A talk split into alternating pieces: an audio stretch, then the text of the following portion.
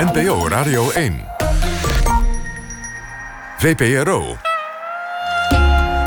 Nooit meer slapen.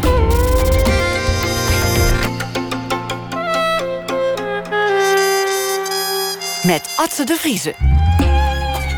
Welkom eh, bij Nooit meer slapen. Rashif El Kawi die onderzoekt in zijn podcast De Man is Lam... wat het tegenwoordig betekent om man te zijn. Straks na half twee horen we in het zesde deel alweer van zijn serie... waarin hij het vaderschap onder de loep neemt. En het komend uur zit tegenover mij tot ongeveer half twee Anna Enquist... Al sinds de jaren 90 is zij een van de bekendste gezichten in de Nederlandse literaire wereld. En natuurlijk ook een van de bekendste pennen. Haar eerste romans Het Meesterstuk in het Geheim waren niet te missen eikpunten van de literatuur. En haar nieuwe roman Want de Avond dat is een vervolg op een eerder verschenen boek, namelijk Kwartet. Dat was een spannende roman waarin een strijkkwartet gegijzeld werd door een meedogenloos ontsnapte gevangene. En dat boek eindigt, dat kunnen we inmiddels wel verklappen, met een explosie. Dat is namelijk ook het startpunt van het nieuwe boek. Ehm, ja, en dat, is natuurlijk, dat draait natuurlijk om de vraag... wat gebeurt er met die mensen die zoiets hebben meegemaakt? Dat is natuurlijk haar levenswerk geworden. Onderzoeken hoe de veerkracht van mensen in elkaar zit. Als therapeut, als schrijfster en natuurlijk ook als mens. Welkom, Anne Enquist. Dankjewel. Heb je dat nou vaak? Dat je een roman schrijft en dat je daarna denkt... god, ik ben toch benieuwd hoe het met die mensen verder gegaan is? Nee, dit is echt voor het eerst geweest. Maar uh, het is toch niet raar hoor. Want ik heb de afgelopen jaren heel veel van dat soort series boeken gelezen. En, uh, door anderen geschreven? Door anderen geschreven. En ik vind het zelf eigenlijk altijd heerlijk als je een fijn boek hebt... en dat je weet van, oh hierna komt er nog een. Het is iets heel kinderlijks. Als kind heb je dat toch ook, van die series, boeken. Wat dat betreft met tv-series natuurlijk ook zo uh, ja. tegenwoordig. Ja, en daar zijn mensen ook gek op. Maar nee, om op je vraag terug te komen... het was echt voor het eerst dat, dat, uh, ja, dat die personen zo bij me bleven. En dat ik ook dacht van, dat is misschien, misschien toch ook wel interessant... om te kijken hoe dat nou verder gaat. Waarom deze wel en die, en die vorige mensen die ook heftige dingen meemaakten niet. Ja, ja je zou zeggen, die, die broer en zus uit de verdovers... Nou, ja, zou, zou toch ook wel leuk zijn om te kijken hoe worden die oud. En, uh, maar dat, dat is nooit bij me opgekomen. Nee. Maar bij deze mensen wel. Nou ja, kijk, er zat ook een andere kant aan. Het was zo dat ik wel echt uh, behoefte had om weer een roman te maken. Want het is namelijk heel lekker om zo'n taak te hebben. En dat je elke dag weet van nou, ik ga een stukje schrijven... en ik ga verder... Uh, nadenken over dat verhaal. Het geeft je toch zoiets van anderhalf jaar echt een doorlopend doel in het leven. Maar ik had geen onderwerp. En toen dacht ik van, nou ja, uh, dat vorige boek, dat vond ik een fijn onderwerp. En die mensen vond ik eigenlijk ook wel interessant. En ja, die liggen klaar. Dus waarom ga ik Ze zijn er nog, ja, er moet iets met ze gebeurd zijn. Dus ja. er staat ook een gemakzuchtige component bij. ze gaan allemaal met een andere manier om met dat, dat enorm heftige incident. De een, Hugo, die vertrekt naar het buitenland. Uh, bouwt daar een heel nieuw leven op, een carrière zelfs. Tweede, Helene, die werkt ineens in de sportschool. Dus ook ja, een enorme switch helemaal. Ja. ja. Ziet er ook heel anders uit in één keer. Ja. Maar het perspectief ligt bij die andere twee. Een nukkige vioolrestaurateur, die heet Jochem... en zijn vrouw Carolien, een echtpaar. Ja. Waarom die twee? Ja, ik vond dat echtpaar toch het interessantste. Uh, ik denk dat ik in dat vorige boek ook het meeste vanuit die twee geschreven heb. Maar toch ook behoorlijk wat uit die andere. Maar ik had nu geen zin meer in vier of vijf verschillende perspectieven. En dat je dan zo heen en weer moet springen. Ik denk, ik neem gewoon die twee. En via hun kan ik die andere dan ook zijdelings nog een beetje aanraken. Ja, we zien wel wat er met ze gebeurd is. Maar ze ja. zijn ook echt letterlijk een beetje uit beeld uh, Ja, en verdwenen. die twee zijn natuurlijk ook wel interessant omdat ze met elkaar getrouwd zijn. Ze hebben een hele geschiedenis echt met elkaar. Dus dat is dan ook wel leuk om te zien van oh, hoe drijft dat uit elkaar en zou dat ooit weer goed kunnen komen en hoe zitten ze elkaar te treiteren eigenlijk met hun eigen manier van omgaan met wat er gebeurd is. Ja, uh, die Caroline die heeft haar pink verloren. Ja. Tragisch als je cello speelt natuurlijk. Ja. Uh, maar die Jochem die draagt eigenlijk nog wel een mooier verhaal bij zich, vind ik in elk geval. Uh, en dat is dat hij de inbreker met zijn peperdure viool voor het hoofd heeft geslagen. Ja. Um, dat klinkt een beetje als een klein detail, maar dat is het volgens mij helemaal niet. En ik, ik zat mij ook af te vragen. Stel dat het jou zou overkomen. Je zit in een ruimte met een notoir gewelddadig iemand waarvan je weet dat hij dat is. En je hebt als enige wapen een viool van anderhalve ton. In de ruimte staan. Zou je het doen? Nee, ik denk dat een, uh, dat een echte instrumentalist nooit. Ja, het zit er zo ingebakken dat je uh, dat instrument altijd beschermt. Ik geloof, uh, cellisten die vallen zich ook een, gewoon een gebroken rug. Omdat ze toch die cello boven zich in de lucht proberen te houden. Als dreigt te vallen. vallen, ja, ja, ja. ja. Dus ik denk dat het wel heel erg moet zijn. Wil je met je eigen instrument op iemand anders zijn hoofd slaan? Ja. En toch heb je het hem, hem, hem, laten doen. Ja, terwijl hij ook bij uitstek zo iemand is die ja, dat weet. Hij toch? is natuurlijk wel vioolbouwer. Dus misschien uh, kan hij ook denken... nou ja, het is een instrument. Ik bouw de hele dag instrument. Ik maak wel een nieuwe. Maar het is natuurlijk niet zo. Nee. En op de een of andere manier gaat niet alleen die Jochem, maar ook andere mensen in dat boek. Het gaat de hele tijd over de waarde van die instrumenten en over hoe ongelooflijk kwetsbaar zijn. Heb je zelf wel eens op een instrument gespeeld dat eigenlijk te duur was om aan te raken? Uh, jawel, ja, ja. En gaat, er dan, gaat het anders? Nee, gaat eigenlijk precies hetzelfde. Je zoekt toch naar hoe klinkt die het mooiste. En, ja. Hoe komt die, die waarde van die, die, van die dingen tot stand? Is dat, is dat een reële waarde? Of is dat toch nou, een soort beetje gebakken? Zou je eigenlijk aan een, aan een instrumentenhandelaar moeten vragen. Uh, het is natuurlijk zo dat er, uh, dat er uh, ja, in de hoogtijdagen van de vioolbouw hele mooie instrumenten gemaakt zijn. En een heleboel daarvan die bestaan nog. dus dat heeft dan, ja, en dat het hele goede instrumenten zijn, en dat die mythe eromheen hangt van hij komt van Stradivarius vandaan. Om het is een soort erfgoed en, en uh, ja, die, die, ja. die mythe, die, ja, net zoals bij schilderijen natuurlijk ja, ook zo Ja, dat is eigenlijk vergelijkbaar met schilderijen, ja. ja. Maar is dat dan een een, een mythe of een marktwerking? Want het ene is natuurlijk, klinkt heel romantisch en het andere is eigenlijk een soort kapitalistisch. Ja, nou ja, het is denk ik net als wanneer een, een uh, schilderij uiteindelijk toch aan Rembrandt toegeschreven wordt en dat de prijs dan enorm stijgt. Maar ik zit echt als amateur te praten hoor. Want dit soort dingen, daar zou je eigenlijk een vioolbouwer over aan het woord moeten laten. Ja. Ah, toch, toch vind ik het wel fascinerend dat dat steeds terugkomt in die, in die, in die boeken. En dat snap ik ook wel. Ja. Op de een of andere manier lijkt het ook wel alsof een van de. Het gaat natuurlijk over de verwerking, verwerking van dit incident. Maar dit, dit, boek en het vorige boek ook gaat natuurlijk ook over de waarde van die muziek. En de waarde die eraan gehecht wordt. Zeker. En voor mijn gevoel ook een beetje in de. Uh, onderschatting van, het, van de klassieke muziek. Ja, dat heeft mij zeker bij het vorige boek heel erg geïnspireerd. Ik vond dat zo uh, treurig, en nog steeds hoor, om aan te zien hoe, dat, uh, ja, hoe weinig daar eigenlijk in Nederland nog aan gedaan wordt. En dat het hele muziekonderwijs op scholen afgeschaft is. Er is nauwelijks meer een meester of een juf die met de kinderen behoorlijk en regelmatig zingt. Muziekscholen zijn voor de helft dicht gegaan. Uh, orkesten worden opgeheven of moeten fuseren. En, nou ja, kijk maar naar de radio hier. He, vroeger waren er vijf orkesten en een koor. Nou, er is één orkest over. En dat metropoolorkest, dat is dan ook nog een beetje onzeker of dat kan blijven bestaan. Dat is toch gewoon schandalig. Dus eigenlijk de bezuinigingen die op dat moment spelen, die vormen dan bewust of onbewust toch een inspiratiebron voor zo'n roman. Ja, eigenlijk nou, keiharde politiek. Behoorlijk bewust hoor. Want ik vond bij die vorige roman heb ik dat echt ook wel met plezier opgeschreven. Uh, hoe erg dat was. En aan zitten dikken. Ja.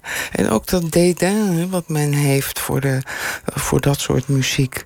Van dat dat een soort, uh, een soort al of niet linkse hobby uh, voor mensen is. Terwijl het ja, het is toch iets heel essentieels. En ik vind zelf ook altijd heel wonderlijk dat er vanuit de wetenschap uh, allerlei uh, uh, bewijzen zijn dat het maken van muziek ontzettend goed is voor de cognitieve ontwikkeling van kinderen en voor de emotionele ontwikkeling en de sociale ontwikkeling. Dat zijn gewoon feiten.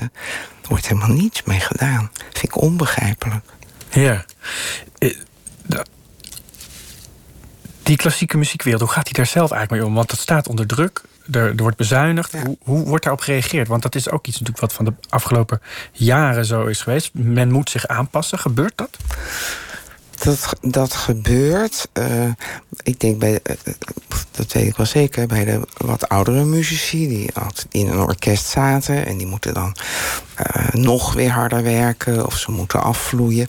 Daar zie je natuurlijk veel dat mensen depressief worden of ziek worden of het nou ja, gewoon heel moeilijk naar hun pensioen toe uh, komen. Het verbaast mij wel dat de jonge mensen... dat je daar allerlei nieuwe initiatieven ziet opbloeien. Die gaan andere dingen doen Die met gaan hun andere instrument. dingen doen, ja. ja. Nou ja, of dezelfde dingen, maar dan uh, op andere plaatsen. En uh, voor heel erg weinig geld, waar ik me dan weer kwaad over maak.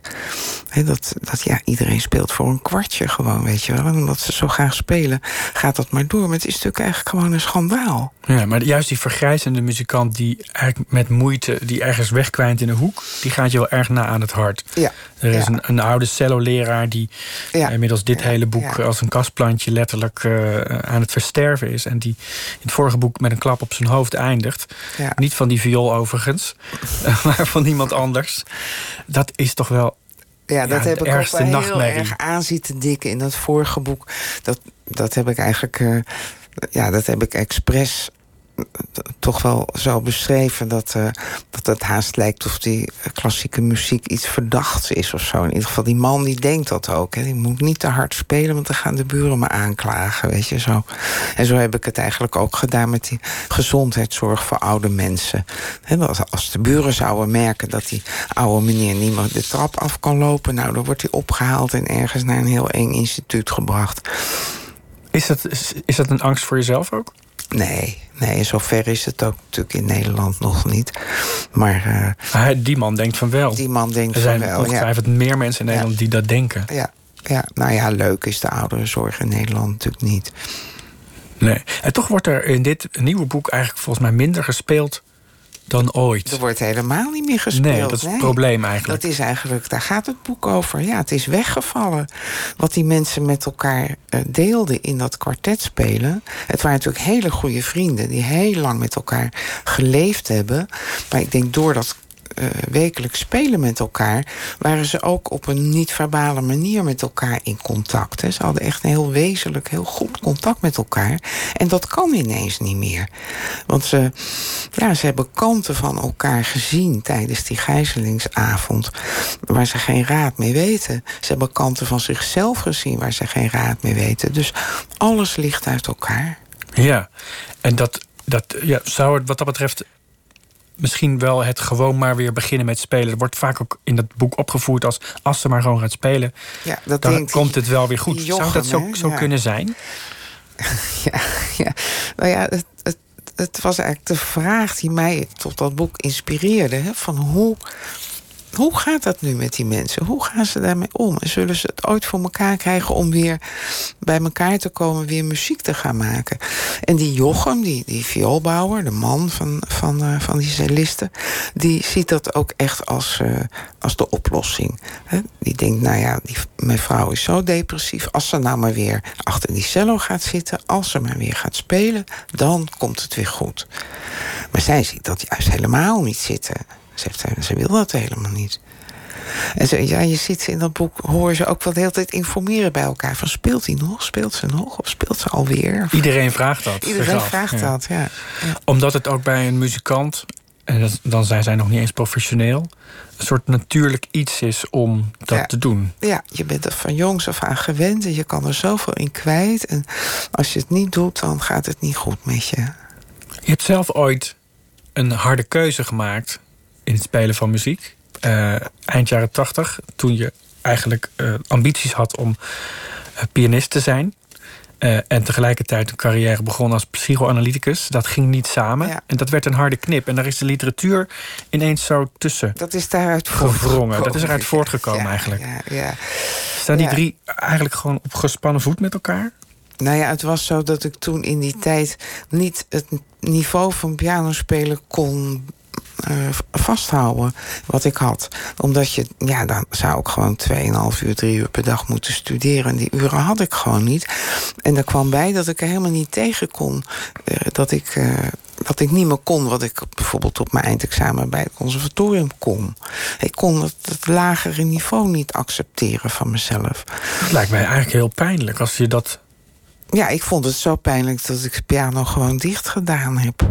Ja. Hoe lang is hij dicht gebleven? Nou, die vleugel die heeft echt wel 15 jaar. Uh, nou, dat weet ik niet. Nee, maar jaren en jaren. Ik liet hem niet meer stemmen. Nou, gewoon verschrikkelijk. Ja. Maar hij stond daar wel. Hij stond wel, ja. Zo'n groot bakbeest kreeg je ook zo gauw niet weg. En niemand anders speelde erop? Niemand anders speelde erop. Nee, ik speelde natuurlijk wel liedjes met de kinderen en zo. Zo erg is het niet. Maar niet meer echt studeren voor mezelf. Maar is het dan zo dat hoe langer je hem niet aanraakt, hoe angstiger je wordt, wordt voor dat instrument? Hoe erger het wordt, dat gemis. En ook hoe, hoe um, erger je er tegenop ziet om weer te beginnen.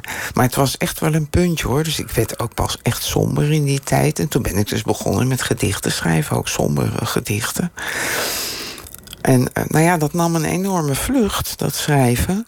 Want uh, nou ja, dat bleek ik ineens te kunnen. Dat was natuurlijk ook heel erg raar. Dat je je hele leven allemaal dingen doet waar je enorme opleidingen voor nodig hebt. En dan ineens dan ga je iets doen omdat je je beroerd voelt. En dat heeft dan succes. Ja, heel gek was dat. Dus ik kreeg daar ook wel plezier in. En ik dacht, ja, als, dat, als je zomaar gedichten kan gaan schrijven, dan kan je misschien ook wel zomaar een roman schrijven. Dus toen ben ik daarmee begonnen. En mijn tweede roman, dat ging echt over het pianospel. En ik had toen echt stiekem uh, het stiekem verlangen om weer uh, piano te gaan spelen.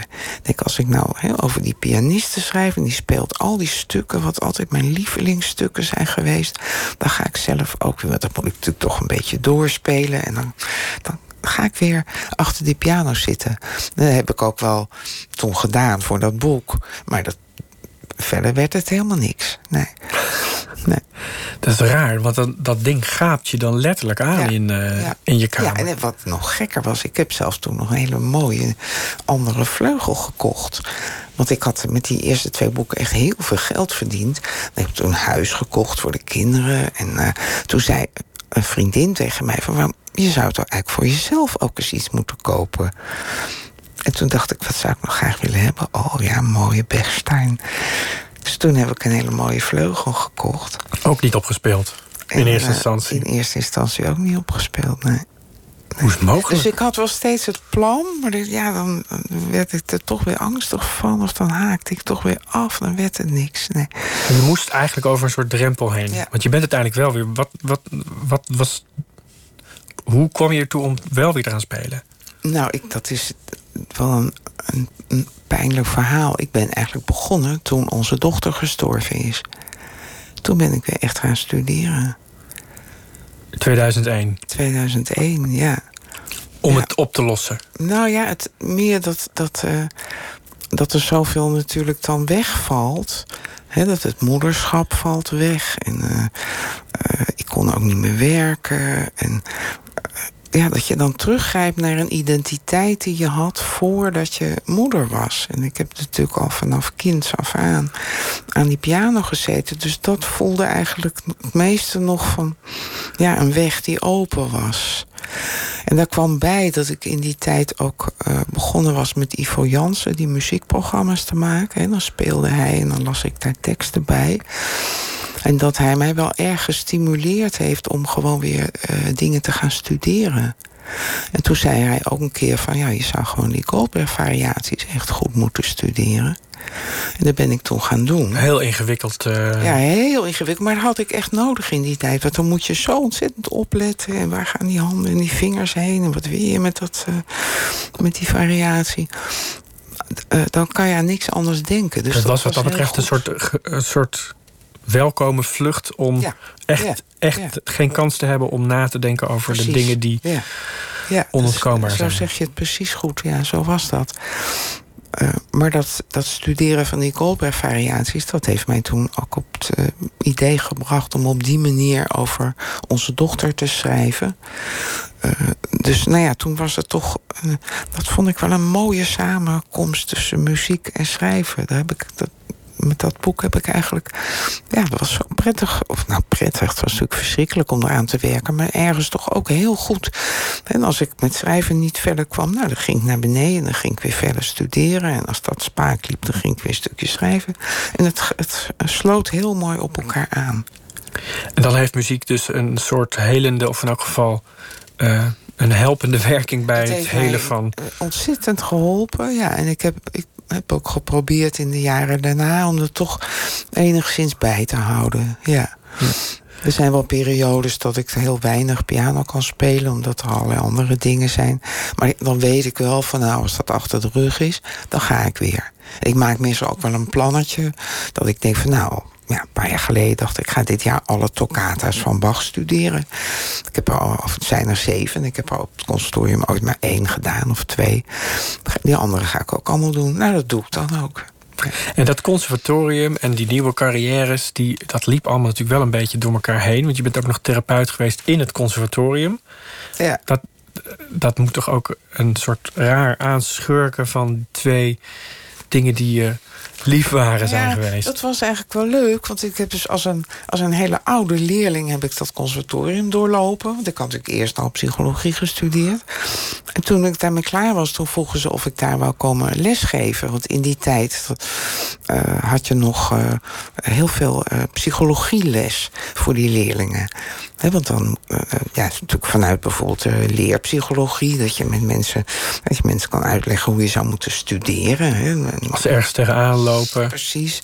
En uh, podiumangst en uh, spanningen in kleine groepen.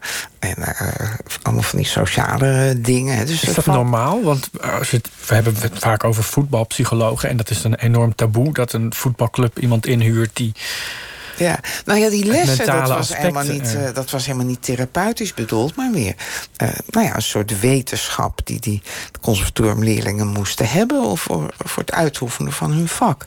Maar het, het, uh, vanaf het begin was het al zo dat sommige leerlingen mij dan na de les aanschoten en dat ze problemen hadden en eigenlijk wel over zouden willen praten. Dus toen heb ik na een tijdje tegen de directie gezegd van uh, hoor eens, dit en dat gebeurt er. Als je mij nou uh, wat uren geeft om dat soort dingen te doen...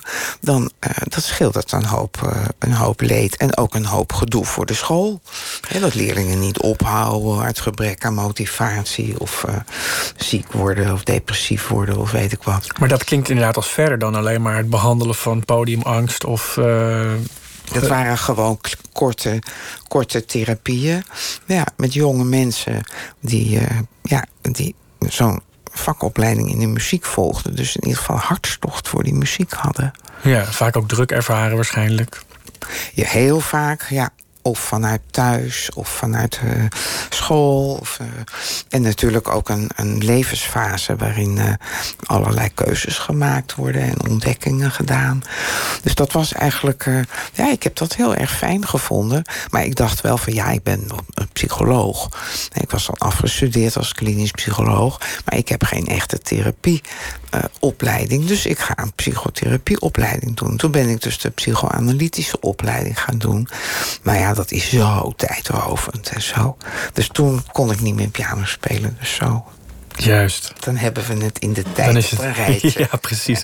Je schrijft een voorwoord in het boek van de Esther van Venema... die ja. uh, de mu ja. muziekpolie heeft opgericht. Ja, zij is eigenlijk met dat, dat werk doorgegaan. Ja, ja. zij heeft dat uh, geïnstitutionaliseerd, uh, om het zo maar te zeggen. Ja. Um, je schrijft daar iets interessants, vind ik. Namelijk dat in die muziekpopulatie... en dan denk ik dat het gaat over klassieke muziek... eigenlijk weinig, relatief weinig... Uh, sprake is van ernstige verslavingsproblematiek. Ja. Dat vond ik interessant, want je ziet daar een verband tussen. Hoe, hoe zit dat precies? Nou ja, als je kijkt naar uh, uh, alcohol of, of drugs... en zeker alcohol als je behoorlijk gedronken hebt, dan kan je niet meer studeren. Want je fijne motoriek is dan in de war. Dus ja, als je op het conservatorium zit, dan moet je elke dag studeren. Je hebt elke week heb je anderhalf uur les van je hoofdvakleraar. Uh, dus ja, je moet gewoon studeren, dus dan kan je niet drinken. Ik heb wel eens iemand van een popacademie horen zeggen... dat het toch eigenlijk de meeste goede popmuziek... toch niet zonder uh, ja, enige vorm van middelen... Hoe het in de popmuziek ja, zit, Is dat dan wezenlijk dat anders tussen niet. Dat is, Ja, dat is kennelijk anders. Dat daar die instrumentale beheersing... Uh, ja, dat het daar misschien toch om andere dingen gaat. He, maar dat is in de klassieke muziek, he, met, met dat soort instrumenten. Ja, dan ben je zo afhankelijk van die hele fijne spiertjes... en de coördinatie daarvan En dat verhoudt zich niet met. Uh... Maar het ligt dus niet zozeer in het wezen van de muziek, maar in de vereiste techniek. Nou ja, het ligt in de vereiste techniek. Maar je kan je ook iemand voorstellen die denkt: ja, kan mij het schelen. Dus het ligt eigenlijk in de, de liefde voor die muziek. Dat zo'n leerling of zo'n muzikant uh, zoveel van die muziek houdt dat hij denkt: ik ga niet drinken, want dan kan ik die muziek niet meer maken. Daar ligt het eigenlijk aan. Dus de emotionele gehechtheid aan, aan die muziek. Maar we spreken in grote generalisaties hoor. Want ik weet dat er ook muzikanten zijn die eh, best wel een beetje drinken. Of dirigenten die strontlazers op het podium staan. Ja, maar kijk, mijn pianoleraar op conservatorium... die zei altijd, dirigeren heeft één groot voordeel... het maakt geen geluid. Je staat met je rug naar het publiek, ook nog eens? Ook nog, ja. Maar ja, met je gezicht naar de muziek natuurlijk. Ja. Heb je iets met popmuziek eigenlijk ook, of helemaal niks? Als, als uh, opgroeiend meisje had ik dat zeker. Ja, ik was een enorme soul-fan. Ja.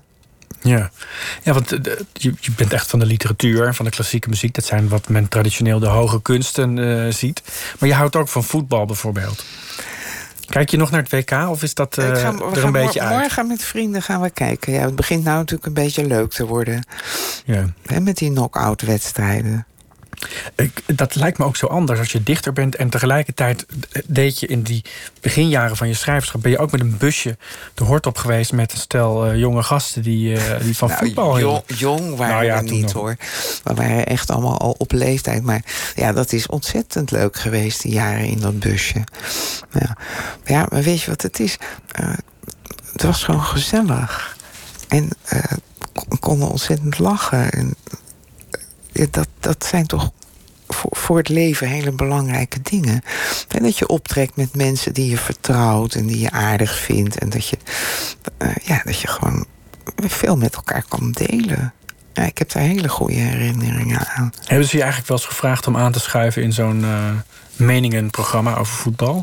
Nou, dat kan ik helemaal niet, weet je. Want ik weet natuurlijk eigenlijk over voetbal niks. Mijn bijdrage aan Hartgras, dat ging altijd over de persoonlijkheid van zo'n uh, speler. Ik heb Winston Bogarde geïnterviewd over zijn jeugd, bijvoorbeeld.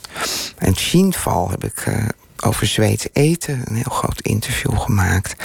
Dus dat soort dingen, dat was mijn bijdrage. Maar hoe dat spel op dat veld verloopt, nee. Er zitten verhalen achter en die zijn interessant. Dat vind ik leuk, ja. Ja. Ik ben benieuwd eigenlijk naar de belangrijkste verhalen die je hebt gezien op dit WK. Maar daar hebben we nu geen tijd meer voor, want het is tijd voor het nieuws. We gaan zo wel nog een half uur verder praten. Zometeen na het nieuws van uh, 1 uur hebben we nog een half uur met Anne Enquist.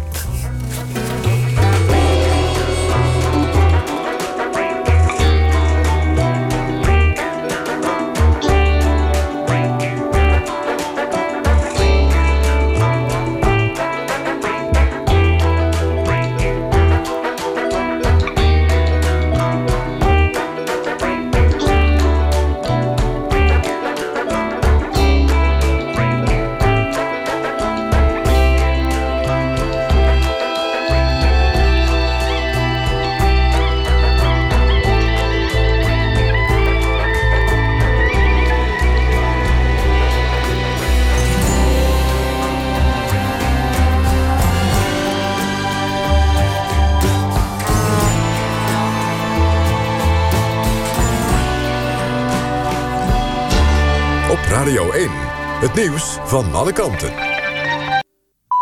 1 uur, Mark Hokker met het NOS-journaal. Vanwege de droogte roepen meerdere waterleidingbedrijven hun klanten op om zuinig te zijn met water. Zo vraagt PWN in Noord-Holland mensen om hun tuin niet te besproeien en niet in bad te gaan. Vitens wil graag dat er tijdens de piekuren, in de ochtend en de avond, water wordt bespaard. Het bedrijf levert momenteel een miljard liter per dag en dat is een record. Voor boeren geldt overal al een sproeiverbod. Door de droogte is er ook een verhoogd risico op natuurbranden. Premier Rutte zegt na de Europese top over migratie... dat het nu tijd is voor concreet beleid. Zo wil hij dat snel duidelijk wordt waar de centra komen... waar migranten worden opgevangen. Wat Rutte betreft is dat in de landen waar de mensen straks aankomen. Maar vooralsnog wil geen enkel EU-land zo'n centrum op zijn grondgebied. Valse e-mails, zogenaamd van Mijn Overheid... hebben vorige week ruim 200 mensen gedupeerd. Via zogeheten phishing-mails werden mensen naar twee valse websites geleid... waarin werd gevraagd om DigiD inloggegevens in te vullen. Met die gegevens kregen de daders direct toegang tot de Mijn Overheid-accounts... en daarmee tot persoonlijke gegevens van de slachtoffers... schrijft staatssecretaris Knops aan de Tweede Kamer. De twee valse websites zijn afgelopen weekend uit de lucht gehaald. Hoeveel gevoelige gegevens er zijn buitgemaakt, wordt nog onderzocht. De BBC heeft excuses aangeboden voor het onderbetalen... van zijn voormalige China-correspondent Carrie Gracie. Gracie stopte in januari als correspondent... nadat ze had ontdekt dat haar mannelijke collega's... aanzienlijk meer verdienden. De BBC heeft haar nu gecompenseerd voor de onderbetaling... en dat bedrag heeft Gracie gedoneerd aan een stichting... die zich inzet voor gelijke rechten voor vrouwen. De oud-BBC-correspondent zegt dat ze opgelucht is... maar wijst er tegelijkertijd op dat een cultuurverandering... binnen de BBC tijd kost. Het weer, het is helder en daardoor koelt het af naar 10 tot 15 graden. Overdag wordt het opnieuw zonnig, staat minder wind dan afgelopen dag... en het wordt 24 tot 31 graden. En ook zondag komt daar nauwelijks verandering in. Tot zover het NOS-journaal. ANWB Verkeersinformatie. Staan nog twee files. De langste op de A4 Amsterdam-Den Haag... tussen Zoeterwoude Dorp en Leidsendam. 6 kilometer stilstaand verkeer door wegwerkzaamheden.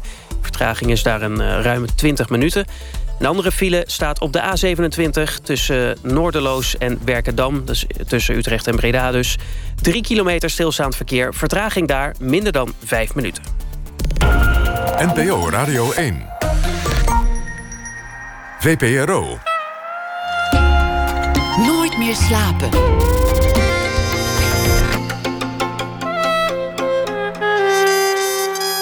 Met Atze de Vriezen. Welkom terug bij Nooit meer slapen. Tegenover mij zit nog steeds Anna Enquist... naar aanleiding van haar nieuwe roman Want de Avond. Voor het nieuws hadden we het onder andere over de teloorgang... van de klassieke muziekwereld. En het vreemde contrast met die peperdure instrumenten... waar haar personages op spelen. En ook over die piano die haar zo lang aangaapte... totdat het weer echt nodig was om erop te spelen. We hebben nog een half uur en ik wil je graag even meenemen... naar de andere kant van de wereld. Dat wil zeggen, een deel van het nieuwe boek speelt zich af in Shanghai. Uh, twee personages vluchten daar eigenlijk heen. Min of meer voor ja. het, naar aanleiding van uh, wat hen overkomen is. Waarom daarheen? Ja, waarom daarheen? Nou, dat die, dat die Hugo ging vluchten, dat zit in zijn karakter. En dat Caroline hem achterna gaat, dat komt omdat ze het niet meer verdraagt hoe haar man haar achter, achter haar aan zit. Dat, en haar zit te dwingen om weer cello te gaan spelen. En uh, dat, ze me, nou ja, dat ze weer tot leven moet komen. En ze verdraagt dat niet meer, dus ze vlucht naar Hugo toe. En dat dat in China is, ja, dat komt omdat ik zelf uh, daar een paar keer geweest ben. Dus dan kan je toch met wat. Ja, is het wat makkelijker om daarover te schrijven. Ik ben een paar keer geweest met het uh, Letterenfonds. Want uh, ja, een aantal jaar geleden was Nederland uh, eregast op de boekenbeurs in Peking. En het jaar daarvoor zijn we met een heel klein groepje schrijvers alvast in Shanghai lezingen gaan doen en zo. En daar heb ik inderdaad een, uh, uh, een jongen ontmoet, een altviolist... die mij daardoor dat conservatorium heeft rondgeleid. En ehm, ik ben daarna die twee literaire uitjes... ben ik daar ook nog zijn we daar ook met vakantie geweest een paar keer. Naar diezelfde plek toch, waar je naar nieuwsgierig naar was geworden? Ja, nou, wel, die vakantiereizen, dat waren, was wel in verschillende delen van het land. Om er wat meer van te zien. Maar ja, ook dat je, uh, je vliegt dan wel op Shanghai of op Peking of zo. Dus dan ben je weer daar. Wat sprak je er zo in aan? Nou, ja... Um, dat het zo ontzettend vreemd blijft. Dat, je weet en leest dat het zo'n ontzettend oude cultuur is. En, en dat, je, dat je er geen greep op krijgt. Je begrijpt niet hoe die mensen voelen en denken. Maar vooral, je begrijpt niet hoe ze voelen. Je weet natuurlijk ook die recentere geschiedenis met die culturele revolutie. Daar heb ik ook wat een en ander over gelezen. Hè? Ook wel romans van Chinese schrijvers die dat hebben meegemaakt. En je begrijpt het gewoon niet. En dat conservatorium ook niet? Of is dat dan eigenlijk ja, nee, een, een wereld die, je, die zo bekend is dat die ja, dan hoorde erop die, lijkt? Die, die, die uh, altviolist, die jongen, hoorde ik dan een Brahms-sonate spelen. En denk ik, ja, het is toch hetzelfde? Toch wel? En, uh, maar ja, dan ging hij vertellen over dat hij enig kind was en dat hij zo'n dankbaarheid voor zijn ouders had. En uh, ja, en alles wat, wat, wat je associeert met opgroeiende kinderen hier zo in Europa. Van iets van een kritische houding over de ouders. Of, ja, dat is... Al die dingen die je in die therapeutische, therapeutische sessies van je muzikanten hoorde, van die studenten. Nou, precies, ja. En dat, ja, dat lijkt daar dan allemaal niet te zijn. Of, of ze zijn bezig met andere dingen. Of, dus heel raar contrast tussen aan de ene kant dat het heel verwant is. Hè, dus je kan denken, oh ja, maar hij houdt net zo van Zoals ik dat doe of zo. Hè. Er zijn geen verschillen. En aan de andere kant dat je denkt, hoe is het mogelijk? Maar in die zin is dat land China, dat, eh, nou ja, als je bij wijze van spreken met een literair uitje naar Zuid-Afrika was geweest, was uh, Caroline misschien ook naar Zuid-Afrika gevlucht. Had maar... ook gekund, want ik ben ook wel eens met een literair uitje naar Zuid-Afrika geweest. Ja. Ja. maar het is natuurlijk niet toevallig dat het uiteindelijk China geworden is. Want juist wat je nu omschrijft is volgens mij heel belangrijk geworden voor het boek. Dat die manier van omgaan met wat er in mensen gebeurt in de Chinese cultuur. Ja. Uh, je bent ook, denk ik, in elk geval Carolien doet dat, in kinderthuizen gaan kijken. Ja. En daar zie je natuurlijk ook hoe, hoe kinderen die geen ouders meer hebben omgaan met die trauma's. Ik ben niet zelf in uh, dat soort tehuizen geweest hoor. Dat soort informatie heb ik vooral van, uh, van internet. Maar ik heb wel gezien, bijvoorbeeld dat op straat mensen die mismaakt zijn, of die uh, met een kind rondsjouwen uh, wat gehandicapt is, uitgelachen worden. En uh, ja, misschien valt dat mij op, dat soort dingen, dat ik daar heel erg op let of zo. Maar dus een totale andere houding dan wat wij hebben. Maar ja, dat zegt ook in het boek die arts die ze dan daar tegenkomt. Die zegt, je moet niet vergeten dat dat in de middeleeuwen bij ons precies hetzelfde was. Dat is ook zo. Wat, wat zegt dat je over de manier waarop wij daarmee omgaan? Ja, dat bij ons dan die, die verlichtings idealen en die beschaving, dat is wat meer geïncorporeerd. Hè? Dat wij meer het idee hebben van, nou ja, die zwakkere mensen, daar moeten we uh, gewoon voor zorgen. Hè? Dat, dat op zich klinkt dat als iets goeds. Ja, ik hoor het mezelf ook wel zeggen. Hè? Van, je kan de beschaving van een land afmeten aan hoe ze voor hun zwakzinnige bewoners zorgen. En daar ben ik ook, daar sta ik ook nog steeds wel achter. Dat vind ik ook wel. En in dat opzicht zou je dan China misschien een onbeschaafd land kunnen noemen. Maar het is natuurlijk helemaal geen onbeschaafd land. Dat is het gek eigenlijk. Ze hebben een beschaving die misschien nog wel ouder is dan de onze. Dus dat is het vreemde. Ja, dat je eigenlijk steeds verbijsterd bent over dat land. Ja, ja, ja. En, en, en, juist ook over het onderwerp waar je zo, dat je zo na aan het hart ligt. Het verwerken van, nou ja, zoals je het zelf graag zegt, mensen die een klap hebben gekregen. Ja, dat vond ik ook, nou, dat staat in het boek ook wel, denk ik, duidelijk een paar keer beschreven. Dat eh, die enorme klap van die culturele revolutie, dat is nog veel erger dan dat er hier eens uh, orkesten moeten fuseren. Of dat de radio zegt, we kunnen het wel met één in plaats van vijf orkesten doen. Een collectief trauma eigenlijk. Ja, en alles wordt echt. Uh, mensen worden gewoon echt gewoon weggepest. En moeten hun handen gaan bederven in de steengroeven. En het conservatorium in Shanghai is tien jaar dicht geweest. Je zou kunnen zeggen, aangezien het heel goed gaat met China en met de economie en alles, dat het een succesvolle manier is van je maatschappij inrichten. Die focus op het collectief ten opzichte van dat eindeloze aandacht besteden aan het individu. Ja, dat denken wij dan misschien in zo'n nou ja, wij denken natuurlijk eigenlijk van niet. Want wij, wij denken dat het belangrijk is, dat individu, toch? Ja, maar wij zijn misschien dan heel vermoeid geworden. Al die problemen die met dat individualisme samenhangen. En dat je dan idealiserend gaat kijken naar zo'n collectieve samenleving. Dat, deed, ja, dat kan ik me herinneren uit de studententijd dat we dat ook deden. Ik dacht, nou, communisme is heel goed voor hele arme landen, weet je wel. Terwijl ja, dat je, dat je zo door de staat gepest en gedwongen wordt, dat kan natuurlijk nooit goed zijn. Ja. Interessanter dan wat die individuele personen met hun trauma doen, vind ik zelf eigenlijk hoe andere mensen, hoe ze naar elkaar kijken. Dus eigenlijk hoe ze omgaan met het trauma van de ander. Mm Dat is volgens mij wat je echt ook wilde onderzoeken en laten zien in dit boek. Het lijkt mij ook dat dat het, het uiteenvallen van die relaties zoals je dat nu omschrijft, is dat niet bijna onvermijdelijk? Dat dat gebeurt na zo'n gebeurtenis? Ja, Ja, maar je zou je ook kunnen voorstellen uh, dat ze juist elkaar in die muziek wel weer vinden. Als de ergste golven zijn gaan liggen. Maar dat gebeurt niet. Het, lijkt, ja, misschien toch ook, kan je denken, het lijkt wel alsof ze ook de kans aangrijpen om hun leven een nieuwe wending te geven. Zou je ook kunnen denken. Herken je het bij jezelf dat die relaties onder druk kwamen te staan na dat grote drama in jouw eigen leven? Ja, dat herken ik zeker wel. Ja, ja.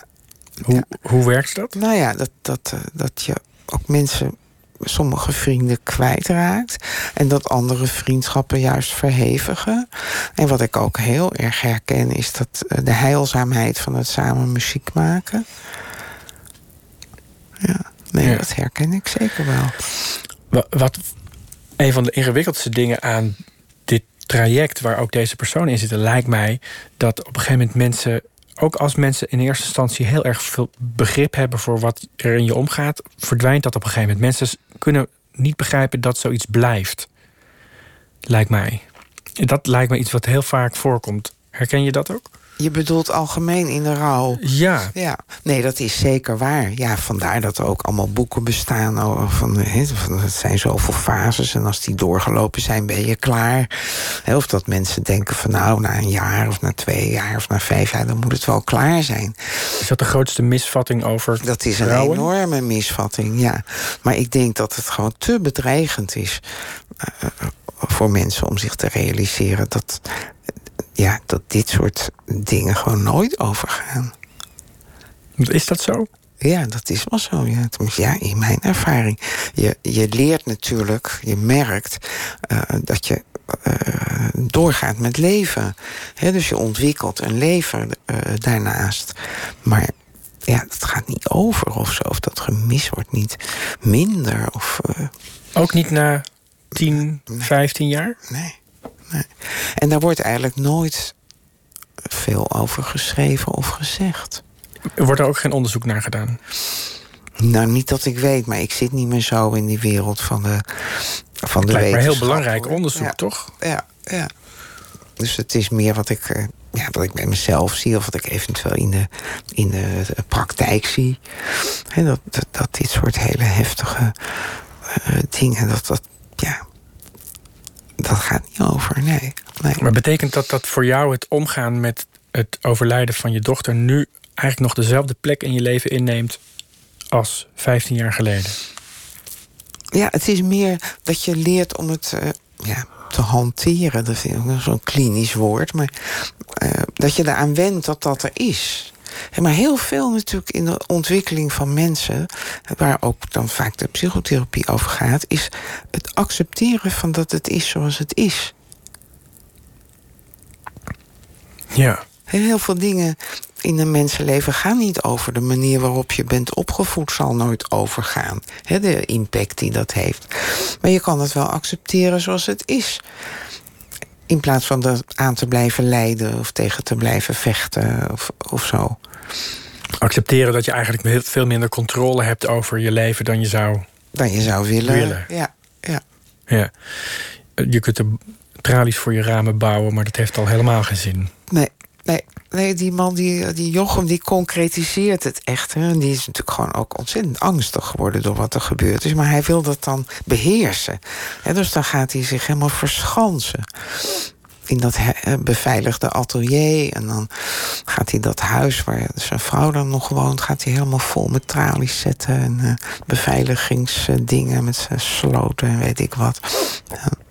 Wat ik nou interessant eigenlijk vind... is dat er staat op die roman staat heel duidelijk... dit is een vervolg op een eerdere roman... maar hij is volstrekt los te lezen. Dat is ook zo. Hè. Er, ja. er, is niets dat je mist, dat je ontgaat als je die andere nog niet hebt gelezen. Nou is het zo dat ik eerst die laatste heb gelezen en daarna de eerste. Ja. En het interessante daaraan vind ik dat je eigenlijk een soort omgekeerd uh, idee krijgt ten opzichte van hoe jij het zelf bedacht hebt. Namelijk, ik kom erachter welke complexen die mensen eigenlijk al hadden. Ja. Ja. Voordat het misging. Ja. En dan merk je dat die, dat huwelijk was, lag natuurlijk eigenlijk al... Lag al uit elkaar, ja. Uit elkaar, want ze hadden natuurlijk al iets heel heftigs meegemaakt. Namelijk hun kinderen zijn overleden bij een heftig ongeluk. Eh, die Hugo die staat al op het punt om zijn biezen te pakken. En heeft eigenlijk alleen maar bij wijze van spreken dat trauma nodig om dat dan ook daadwerkelijk te gaan doen. Ja. Is het wat dat betreft zo'n heftige gebeurtenis als een soort formule? Gebeurtenis, karaktereigenschappen. En dan kom je uit op een bepaalde reactie die past bij dat personage. Nou, ik vond het wel leuk om dat uit te zoeken. En ook aan die vier mensen te laten zien hoe, je, hoe mensen globaal reageren op zo'n bedreiging en op dat geweld. Dat je mensen hebt die willen gaan vechten, die worden kwaad. En je hebt anderen die zich totaal distancieren, zoals die Caroline een ijskonijn wordt. En je hebt mensen die op de vlucht gaan, zoals die Hugo. Of mensen die het zo op zo'n hele naïeve manier proberen goed te praten en te vergoelijken, zoals Helene eigenlijk doet. Zijn dat eigenlijk vier archetypen uit, eh, uit de praktijk? Dat is wel iets wat je. Ja, dat zou je wel uit de, uit de psychologie kunnen halen. Ja. ja. In ieder geval dat vechten, vluchten of eh, verstarren, dat, eh, dat zijn wel ge- geëikte patronen onder hoe mensen op gevaar reageren. Het, ik vind het eigenlijk zo fascinerend dat je er altijd al mee bezig bent geweest, nog voordat het je eigen leven ging tekenen. En, en dat je dus eigenlijk al hebt geprobeerd om dingen te verbeelden en te verklanken, waarvan je eigenlijk nog helemaal niet kon weten hoe het echt zou zijn. Nee, maar weet je, mijn, mijn hele werkzame leven als, als psychotherapeut... dat ging natuurlijk altijd over hoe mensen weer opkrabbelen na eh, een trauma of, of, eh, of iets van die aard. Dus ik ben eigenlijk altijd bezig geweest met... eh, ja, wat voor veerkracht zit er in iemand en hoe kan je dat... Kun je dat bij wijze van spreken meten? Want je zegt, je zegt ook ergens dat hoe, hoe ouder mensen worden, hoe minder veerkracht ze hebben. Ja, dat is denk ik wel zo. Eh, zoals alles met de ouderdom wat minder wordt. Dat, eh, die flexibiliteit is. Waar, waar zit het kantelpunt dan? Want, ik kan, want ergens ben je jong en dan als bij wijze van spreken op hele jonge leeftijd je ouders wegvallen of je broer Ja. of zus, dan komt dat extreem hard aan, Ja, lijkt me. Ergens word je dan sterker en dan zit er een kantelpunt in het leven. Nou ja, er zit natuurlijk wel zo wat veel mensen ook hebben, zo halverwege het leven. Van ik ben over de helft. Of ehm, nou ja, als ik nog Chinees wil leren, moet ik dat nu gaan doen. Anders gaat het niet meer. Of, of zo, hè? Of, of eh, ja, god, dat mensen denken van ja, nee, wat ik, wat ik altijd heb gewild, dat zal ik niet meer bereiken in mijn leven. Of zoiets. Maar ik geloof niet dat je echt een kantelpunt kan aanwijzen hoor. Kun je het bij jezelf aanwijzen in je leven dat dat kantelpunt dat dat er was? Of is dat eigenlijk vertroebeld door dingen die gebeuren in je leven? Ik denk dat het bij mij behoorlijk vertroebeld is, ook door al die verschillende vakken die ik zo eh, naast en achter elkaar heb weten te creëren, weet je wel. Kijk, zo, zo'n vak als schrijver zijn, dat, daar kan je natuurlijk eindeloos mee door blijven gaan. Ja, je kan er honderd mee worden. Ja. Dat zou Voetballer kunnen. was al lang en breed. Dat was al lang. eh, Of als je danser bent of zo, dan is dat met je 35ste echt klaar.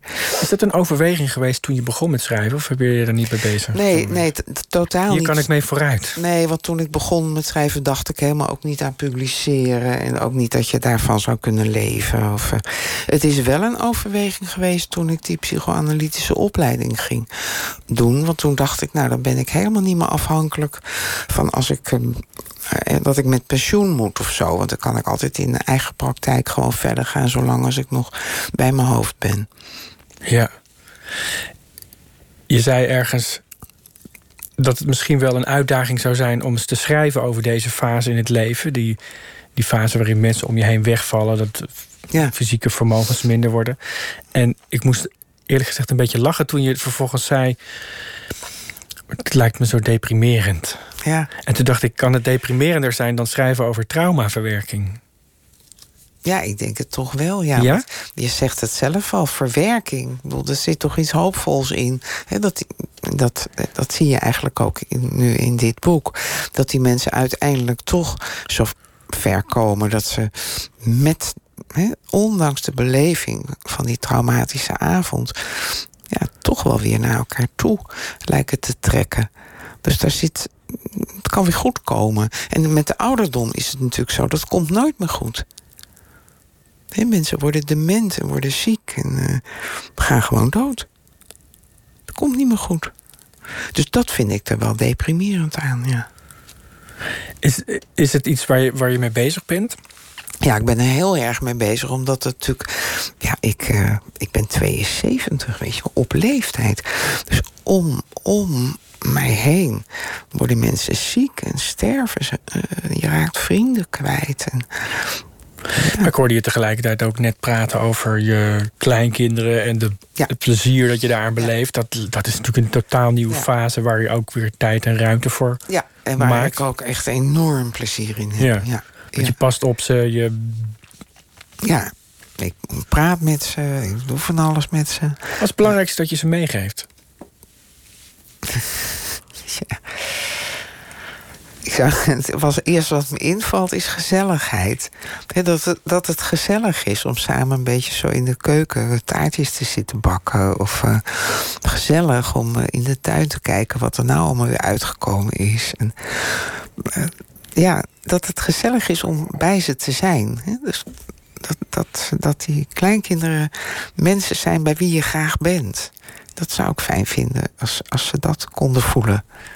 Ja, het, het, het ideaalbeeld van een opa of oma is ook dat hij daar dat hij uit kan stralen, dat hij daar de tijd ook voor heeft. In tegenstelling tot de rennende en vliegende ouders die ook nog allerlei andere ambities hebben, omdat ze nog niet voorbij dat kantelpunt in hun leven gekomen zijn, dat het allemaal niet meer geen zin meer heeft. Ervaar je dat ook zo? Ja, nou die rust naar ze kan uitstralen. Ja, wij maken daar natuurlijk tijd voor en genieten er heel erg van. Dus ik denk dat de kinderen dat ook echt wel voelen. Dat wij het gewoon fijn vinden om bij hun te zijn. Ja. Ja. Word je ook milder?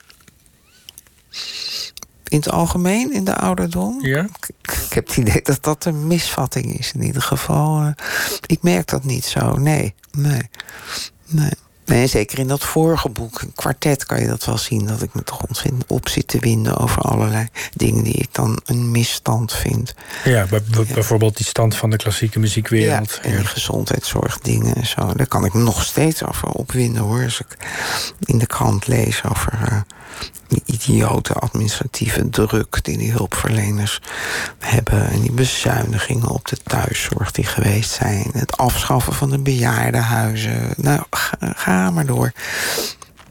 Ja, ik vind dat ook geweldig van mijn uh, busjescollega Hugo Borst. Dat hij daar zo, uh, zo actie tegen aan het voeren is. Met, met, met zijn moeder, over zijn moeder. Over zijn moeder en dat programma over dat bejaardenhuis in Rotterdam. Heel goed. Er moet veel meer dat soort dingen gebeuren. Ja, raakte je dat? Wat hij maakte?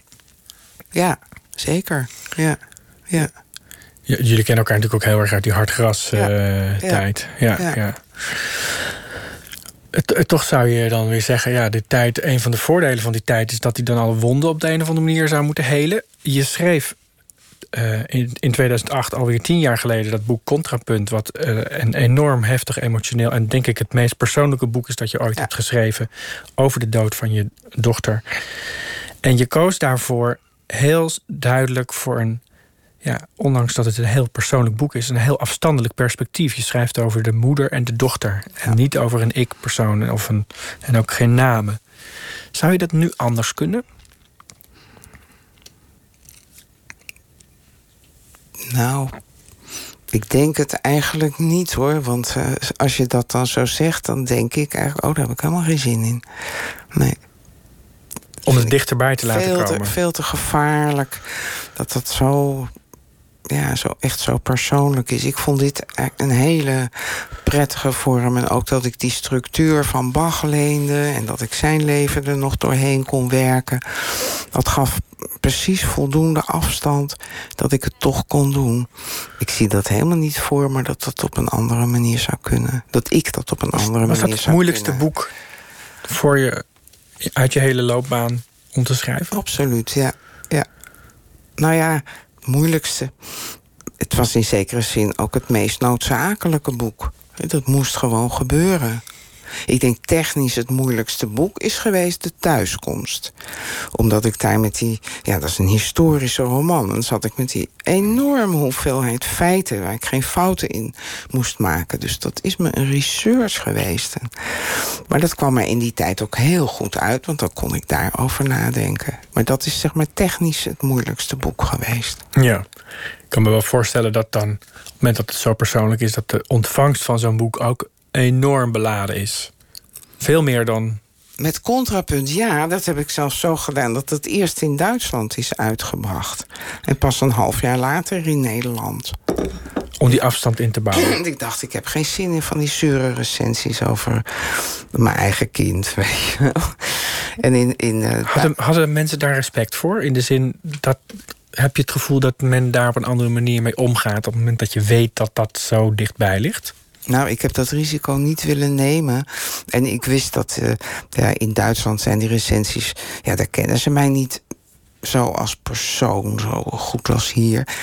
Uh, dus dat gaat veel meer over het werk zelf. Dus daar heb je al veel objectievere recensies en veel meer ja, literair gericht. Was daar ook niet duidelijk dat dat boek heel erg autobiografisch was? Wel, dat, dat was wel duidelijk, want in die periode heb ik ook de interviews daar gedaan en zo. Maar uh, ik vond dat prettiger om het eerst maar daar uit te brengen en dan pas uh, later hier. Ja. ja. Dus ik was daar toch En dat werkte ook in die... voor. Ja, en... ja, dat werkte ook prima, ja. ja. Maar hoe, hoe, Ik weet eigenlijk helemaal niet hoe de reacties waren op dat boek hier. Volgens mij was, was dat, dat, was dat niet zo uh, beroerd hoor.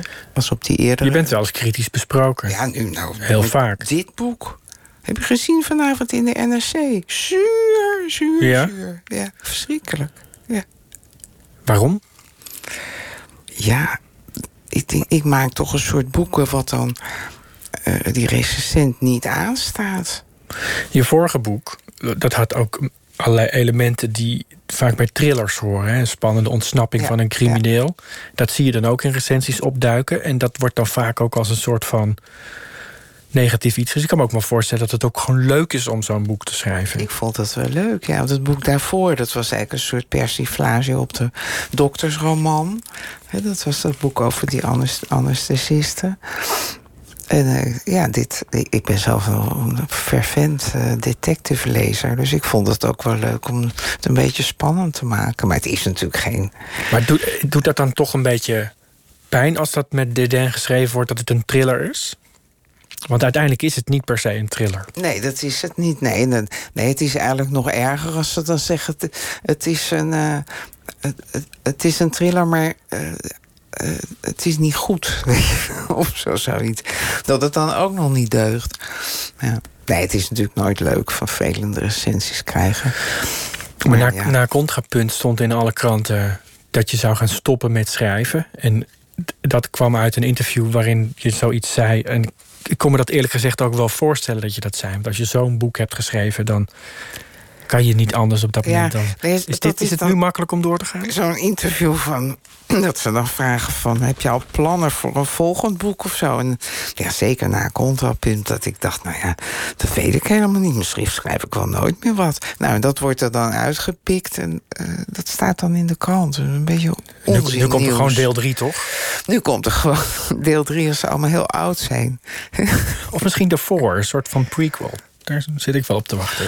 Oh ja, dat kan ook nog. Ja, voor het ongeluk. Ja. ja. Als we dat ja, nou als ze heel spreken. jong zijn, zo in, de conservatoriumtijd hè, van die Hugo en Carolien. Ja. Ik dank je voor dit gesprek. Um, het was een. Ja, ik moet erom lachen. Het was helemaal. Ja, dat het nu al af, afgelopen ja, is. Een uur gaat hartstikke snel. Dankjewel, Anne Enquist. Het boek ligt al in de winkel. Want de avond heet het. En op de opvolger van het kwartet. Je kunt ze ook meteen allebei lezen. Maakt niet uit in welke volgorde. Dank je wel. Alsjeblieft.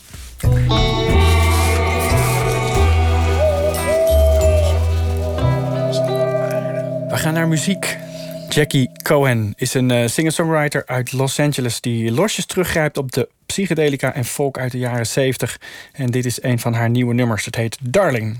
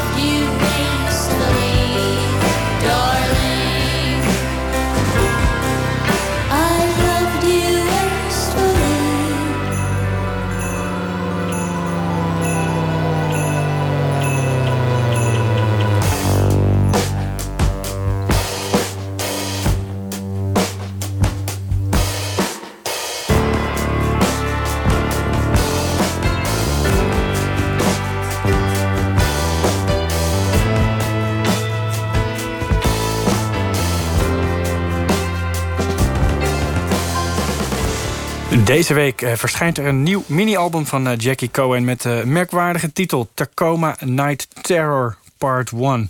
I've Got the Blues. Dat eh, wekt alvast nieuwsgierigheid en daarvan draaiden we het nummer Darlin.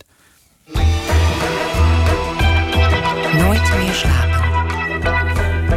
In de podcastserie De Man is Lam gaat Rashif El Kaoui op zoek naar wat het betekent om een man te zijn in de 21ste eeuw.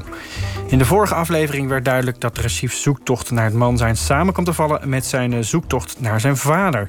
En nu gaat hij dieper in op het vaderschap. Wat betekent een vader voor een man en wat doet het vaderschap voor het gevoel van man zijn? Je hoort het nu in de zesde aflevering.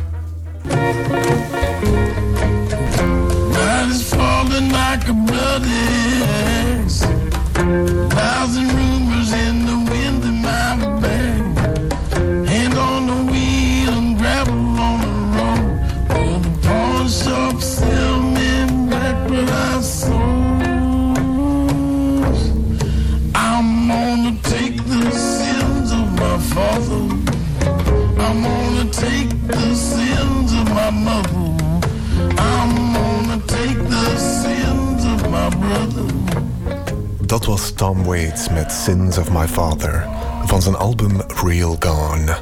Gotta love that song. Hallo en welkom bij de Man Islam podcast. Mijn naam is Rashid El Kawi en ik zal u de komende afleveringen meenemen op mijn zoektocht naar man zijn en naar wat dat in godsnaam hoort te betekenen. In de vorige aflevering kon u mijn gesprek horen met Peter, de beste vriend van mijn eigen overleden vader. Naar aanleiding van dit gesprek ga ik in deze aflevering op zoek naar vaders en zonen om het te hebben over vaderschap anno nu. Every Friday night, Julia's job is to compare the grocery prices of our neighborhood stores for Saturday morning shopping. When that matter's settled, I figure maybe I can get in a little reading before it's time to go to bed. That is, after the radio's turned down a little. The evening papers, and now it's my time to relax. Just the wind up of a typical work day in my life. Wat is er veranderd sinds de vrouw aan de haard? Sinds de strenge, afstandelijke vader met de pijp en de krant? Eigenlijk toen eh, ons kindje ook net was geboren, ik heb dat als eerste op mij gehad. Een anderhalf uur. En Sabine daarna. Maar dat was meteen, nee, ze moet bij, we moeten meteen ook bij de vader liggen. En nu ook nog altijd delen wij dat mooi op. En ik heb vaak met Sabine een gesprek over. Maar vind je het niet fijner dat ze, dat ze toch bij u ligt? En Sabine is ook geen, nee, we doen dat gewoon samen. Ja, dat is wel al een heel, mooi, een heel mooie start. Dat je het begin helemaal samen kunt, kunt doen. Ik denk dat dat zeker in, het zieke, in ziekenhuizen een verandering is van cultuur. Omdat ik toen eh, ons zoontje geboren was. En eh, we zaten in een, in een heel goed ziekenhuis in Istanbul. Maar er was ook gewoon, ik zat niet in een aparte kamer. Ik had gewoon het bed naast het bed van mijn vrouw. Om erbij te kunnen zijn. En erbij te kunnen eh, liggen. Ik vind als man moet je ook kwetsbaar kunnen zijn. Ook kwetsbaar kunnen zijn. Ik heb een zoon, dus hij kijkt heel erg naar mij op. En ik merk als hoe ik met hem praat, praat hij ook dus met de rest van de wereld. En ik praat soms gebiedende wijs met hem. En dan praat hij gebiedende wijs met zijn moeder. Ja, maar dan denk ik mezelf, hè. Volgens mij ben ik nou even iets te hard voor hem. En dan word ik gewoon wat zachter voor hem. En dan merk ik dat hij ook wat zachter met andere kinderen omgaat. Ik ga mijn kinderen met die bakfiets van school halen en ik maak eten en, en ik strijk die een t-shirt. Ja, dus dat is anders. Dat is anders. Ja, het gevolg is inderdaad wel dat ik mijn, mijn zonen goed ken. Dat ik er echt dagelijks mee bezig ben. Ehm, ik merk wel dat ik problemen heb om dat altijd even creatief in te vullen. Van ja, dat, ik, ik, ik weet niet goed wat ik ermee moet doen soms omdat ik me dat niet herinner van mijn vader dat hij dingen deed die ik dan kan nadoen. Zo meer dat gevoel. Zo.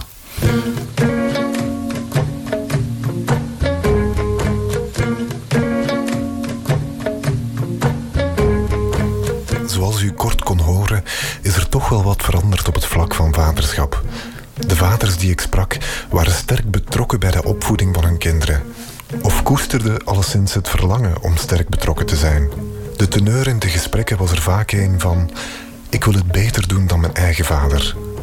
Een gedachte die mij niet bepaald onbekend is. Toen ik aan de montage voor deze aflevering bezig was... stootte ik op een gesprek dat ik voerde met Dries. Een vroegere klasgenoot van mij. Dries is een dichter, filosoof en zen-boeddhist. Hij verblijft momenteel in een klooster ergens in Frankrijk. We voerden een uitgebreid gesprek over zoon zijn, man zijn en waarom de Griekse god Hephaistos perfect klopt bij de titel van deze podcast. Dit gesprek kan ik u niet onthouden. We doen een 360 graden beweging, vaderschap vanuit het zoonperspectief. Duik met mij mee in de visie van Dries.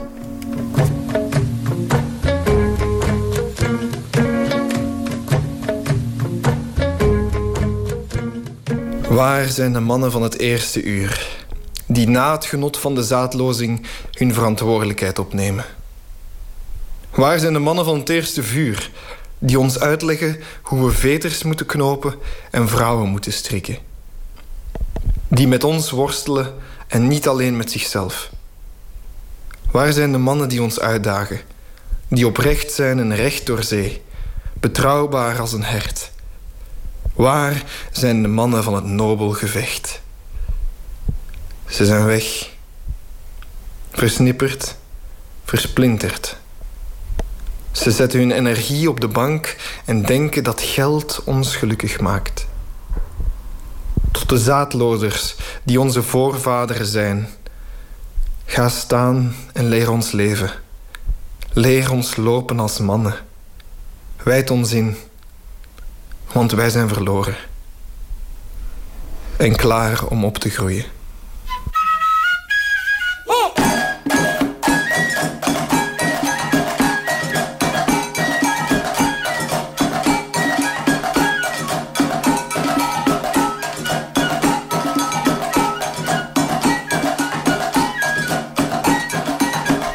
Het enige voorbeeld van autoriteit dat ik had was uh, mijn grootvader. Uh, in mijn huis. Want voor de rest was mijn grootmoeder en mijn moeder die mij hebben opgevoed. En mijn vader die was gescheiden van mijn moeder vanaf dat ik anderhalf jaar was. Dus die zag ik alleen maar in de weekends. Waardoor dat hij eigenlijk afwezig was. Ja, die was er niet. En om de twee weekends gingen we bij hem langs. En dan wel meewerken aan, aan zijn project. En dan aan het eigenlijk op hotel zijn. Maar in het dagelijks leven had ik niet het gevoel dat ik omgeven was door mannen. Eigenlijk in totale vrouwenomgeving in zat.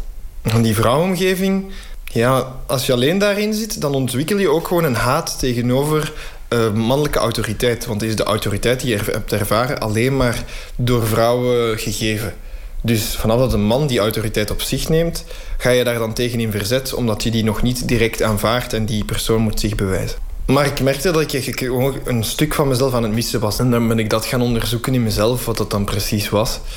En dan, uh, ja, toch uiteindelijk erop uitgekomen dat het een gebrek aan man zijn voelen is. Het, het, gevoel van een man te zijn. Wat een, um, een heel erg groot gebrek is. Robert Bly in, in, in boeken De Wildeman uh, noemt dat vaderwater missen. Dus zoals dat je moederlijke energie kunt drinken of kunt binnenkrijgen, hè, uh, heb je ook qua voeding ook gewoon vaderwater nodig. Zo noemt hij dat. Dat we daar letterlijk een hoeveelheid van moeten binnen hebben om gevoed te blijven en om in contact te zijn met ons eigen mannelijk zijn. Wel, ik had het gevoel dat ik niet echt veel vaderwater had.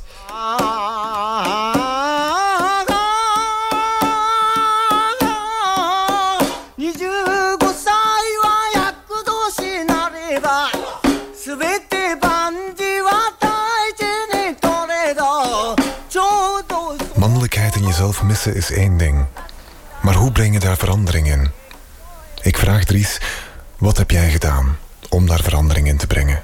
Ik ben bij mijn vader gaan wonen. Mijn vader heeft uh, sinds dat ik een jaar of uh, zeven of acht was of zo, heeft hij een kasteel gekocht. En dat was altijd zijn, zijn jeugddroom blijkbaar om zelf een, een kasteel te kunnen renoveren. Uh, en daar dan kasteelheer van te zijn bij een brandend haardvuur met vrouwen en kinderen daarin en een hond uh, daar ook nog eens bij. Dus het is een hele soort archaïsche droom. van bijna... Allee, ja, bom. Uh, ja, ergens ook wel heel erg mannelijk, maar ook heel erg huiselijk is. Maar heel erg het ideaal van de kasteelheer dat wilde realiseren. Dus sinds ik kind was, heb ik ook meegewerkt aan dat huis. Kasseien zitten versleuren met mijn broers in de weekends. Dat soort fysieke arbeid, een keten van commando's opvolgen. Dat is zeer belangrijk. Hè. Als het gaat over man zijn, moet je echt leren kunnen volgen. Je moet kunnen volgen. Moet heel erg kunnen volgen. Nu wil iedereen zijn eigen zegje doen. Waarom? Omdat we niet meer kunnen volgen. We kunnen niet ja zeggen tegen iets waar we inhoudelijk niet helemaal mee akkoord zijn. Wat de legerdienst vroeger deed, was gewoon leren ja zeggen tegen de plicht die u op dat moment gevraagd wordt. En dat gewoon te doen. En dat is het fundament van te leren man zijn, is dat te kunnen. Meegaan in de energie van een oudere, er meer ervaren vooral man. En die meer ervaren man u instructies laten geven en die opvolgen naar de letter. Want moet daarop, dat is de basis van uw vertrouwen. Als je die opdracht al niet vertrouwt, hoe kun je dan leren? Ja, ik zie dat als iets heel positiefs. Want ik zag mijn vader maar om de twee weekends. En dan deed ik constant dat fysiek intensieve. Bijna zonder woorden. Een groot verschil tussen een vader en een moeder. Een moeder gaat woorden vinden. Uh, woorden vinden en via woorden nu moraliteit aanleren. Een, een, een, een drive, een inhoud, een, een, kader geven. Hè. Maar een vader leert u te doen en leert te doen wat juist is en wat niet. Waarbij een, vrouw voor mij voor veel meer werkt volgens wat is goed en wat is kwaad. Dit, is, dit is niet slecht, het is slecht om iemand te pesten. Hè. Het is goed om anderen te helpen, bijvoorbeeld. Hè. Dat is voor mij een medendogende manier, een vrouwelijke manier om te kijken. Maar het mannelijke aspect is voor mij wijsheid van... dit is in deze situatie juist om te doen... en hiermee hak je je eigen hand af als je dit nu nog twee keer gaat doen. Hè. Dus dat, dat is zo... eh, ja, het, eh, ja het, het externe, pragmatische tegenover het innerlijk... eh, ja, eh, normerende, zo, het, het ethische.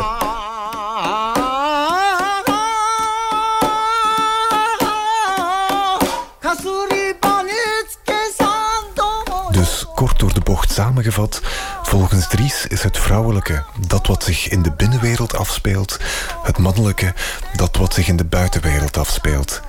Voor de genderfluïde luisteraar geen angst, het discours van Dries wordt gelaagder en neemt nog enkele twists en turns.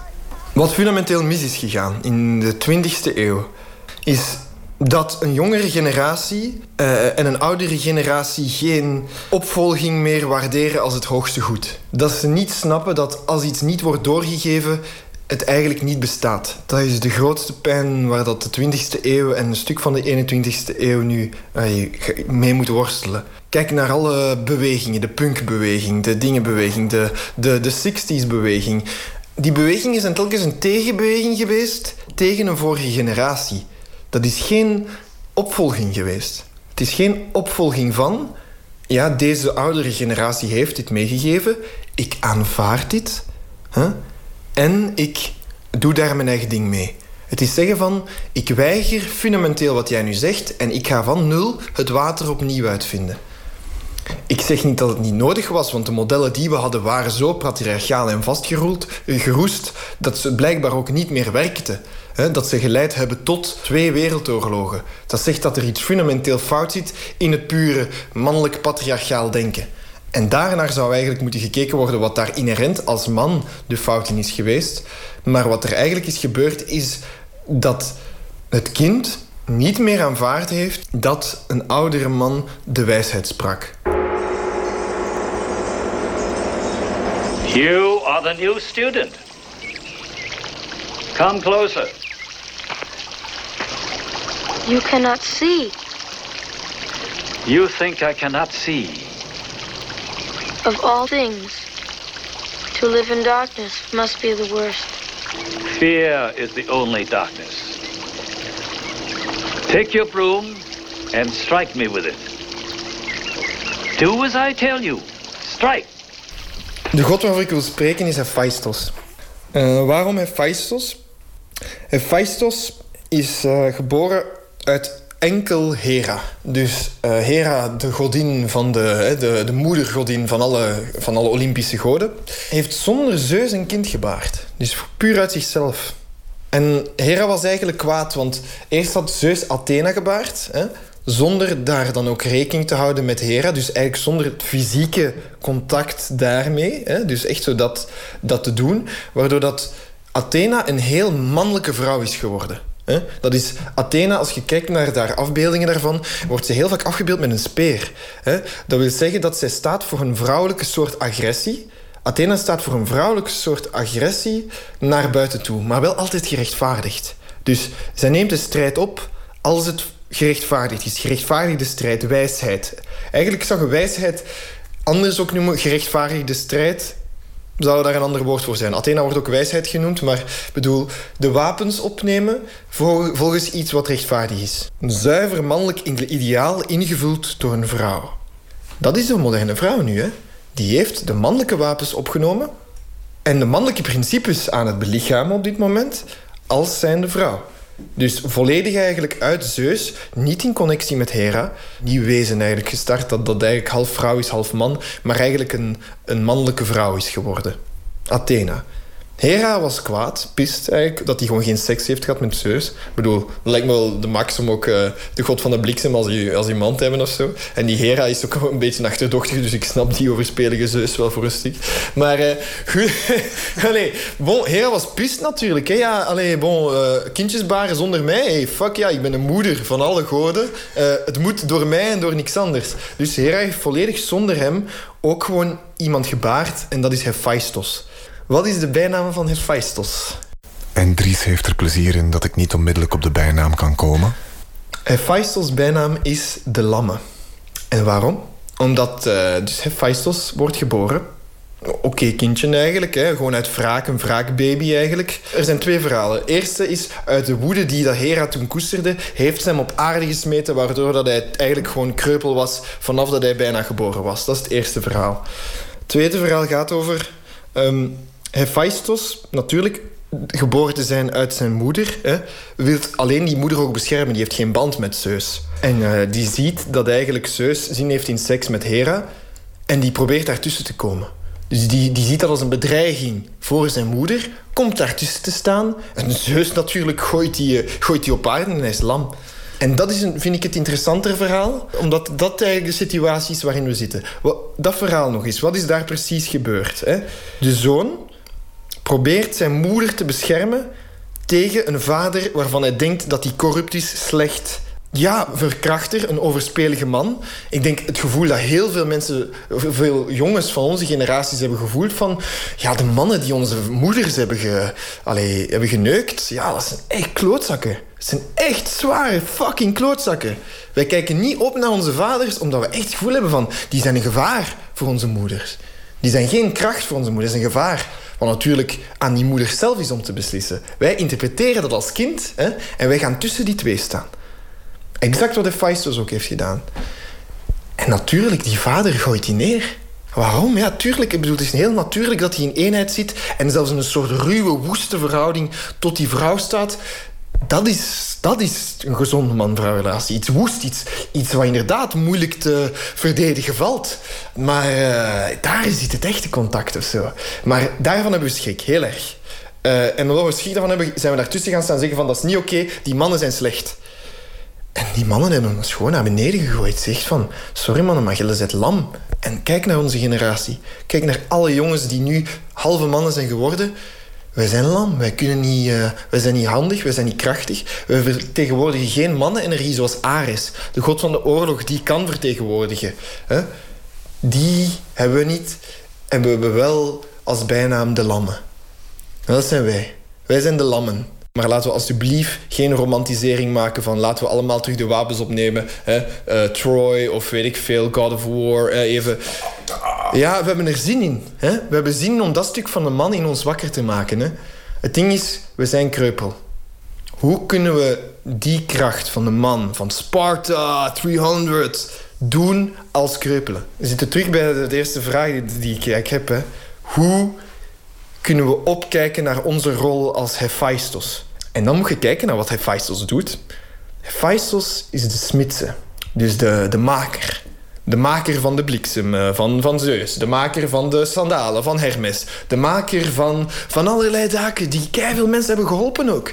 En wat grappig is, is dat het hypermaterialistisch is.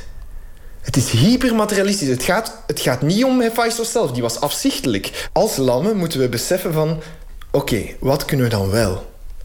En dan zitten we bij de, de kracht van Hephaistos. En dat is met materiaal omgaan en dat smeden tot iets dat dienstbaar is van een gigantisch groot geheel.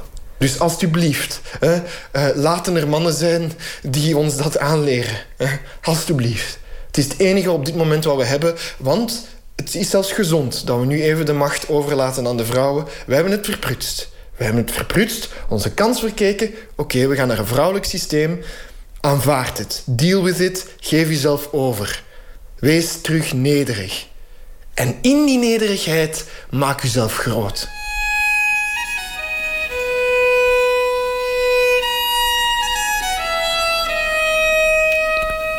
Dries voert een soort betoog voor man zijn als een ambacht. En de ambacht zelf als man zijn. Ongeacht zijn conclusie is Dries actief bezig met manwording. Zoekt hij net als zoveel naar invulling en zingeving in een wereld ontdaan van rituelen. Maar de symboliek zal u niet ontgaan zijn. Ik heb een tekstje geschreven dat ik graag nog met jullie zou delen. Daar gezeten, geniet vader van de droesem. Ga hem voorbij. Moeder de sloor, schoorvoetend aan zijn troon. Ga hem voorbij. Vader heeft haar hals door hoon gebroken. Ga aan hem voorbij. Zijn woorden kalkloog op ontbloot gemoed. Ga aan hem voorbij. De zoon moet vader doden. Luid, met schuimende bek en geklemde kaken. Stil. Het lamet gekneld tussen nek en wervel bij het ontwaken. Och mannen han tänkte mig sjövesik Hej den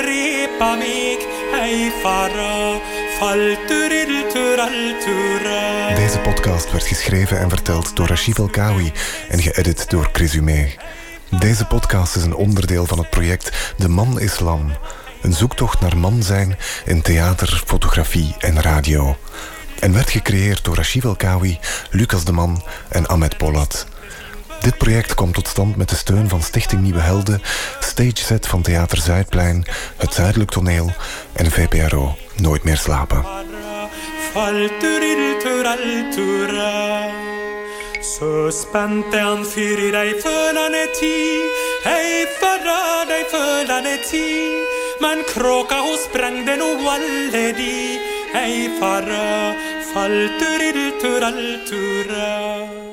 Så spente han fyr i dig för han är tørr.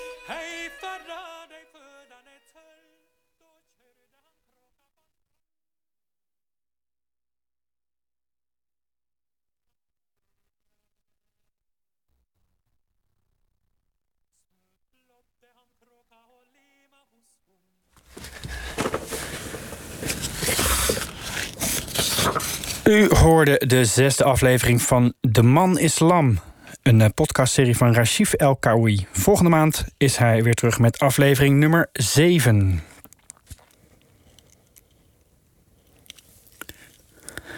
Ik vertel nog even iets over maandag. Dan praat Pieter van der Wielen met Frans de Waal. Hij is psycholoog, gedragsbioloog en primatoloog. Sinds 1970 doet hij onderzoek naar het gedrag van apen. Aanvankelijk in Nederland, sinds 1981 ook in Amerika. Hij schreef internationale bestsellers over mensapen en andere dieren... waaronder Chimpansee Politiek, juist de aap in ons... en Bonobo en de Tien Geboden. Momenteel is hij hoogleraar psychologie in Atlanta... en directeur van Living Links... Juist, dat dus maandag. Straks kunt u luisteren naar De Nacht van de Radio van BNN-Vara. Ik wens u een goede nacht.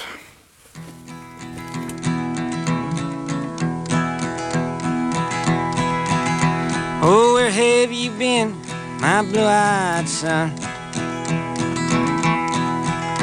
And where have you been, my darling young one? I've stumbled on the side of twelve misty mountains. I've walked and I crawled on six crooked highways. I've stepped in the middle of seven side forests. I've been out in front of a dozen dead oceans.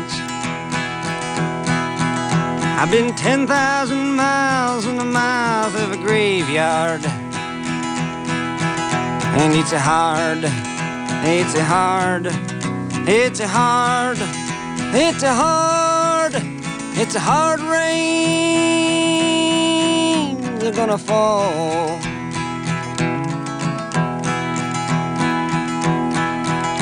Oh, what did you see, my blue-eyed son? And what did you see, my darling young one? I saw a newborn baby with wild wolves all around it. I saw a highway diamonds with nobody on it. I saw a black branch with blood that kept dripping. I saw a room full of men with their hammers a bleeding. I saw a white ladder all covered with water. I saw 10,000 talkers whose tongues were all broken. I saw guns and sharp swords in the hands of young children. And it's hard, it's hard, it's hard, and it's a hard, it's a hard rain. They're gonna fall.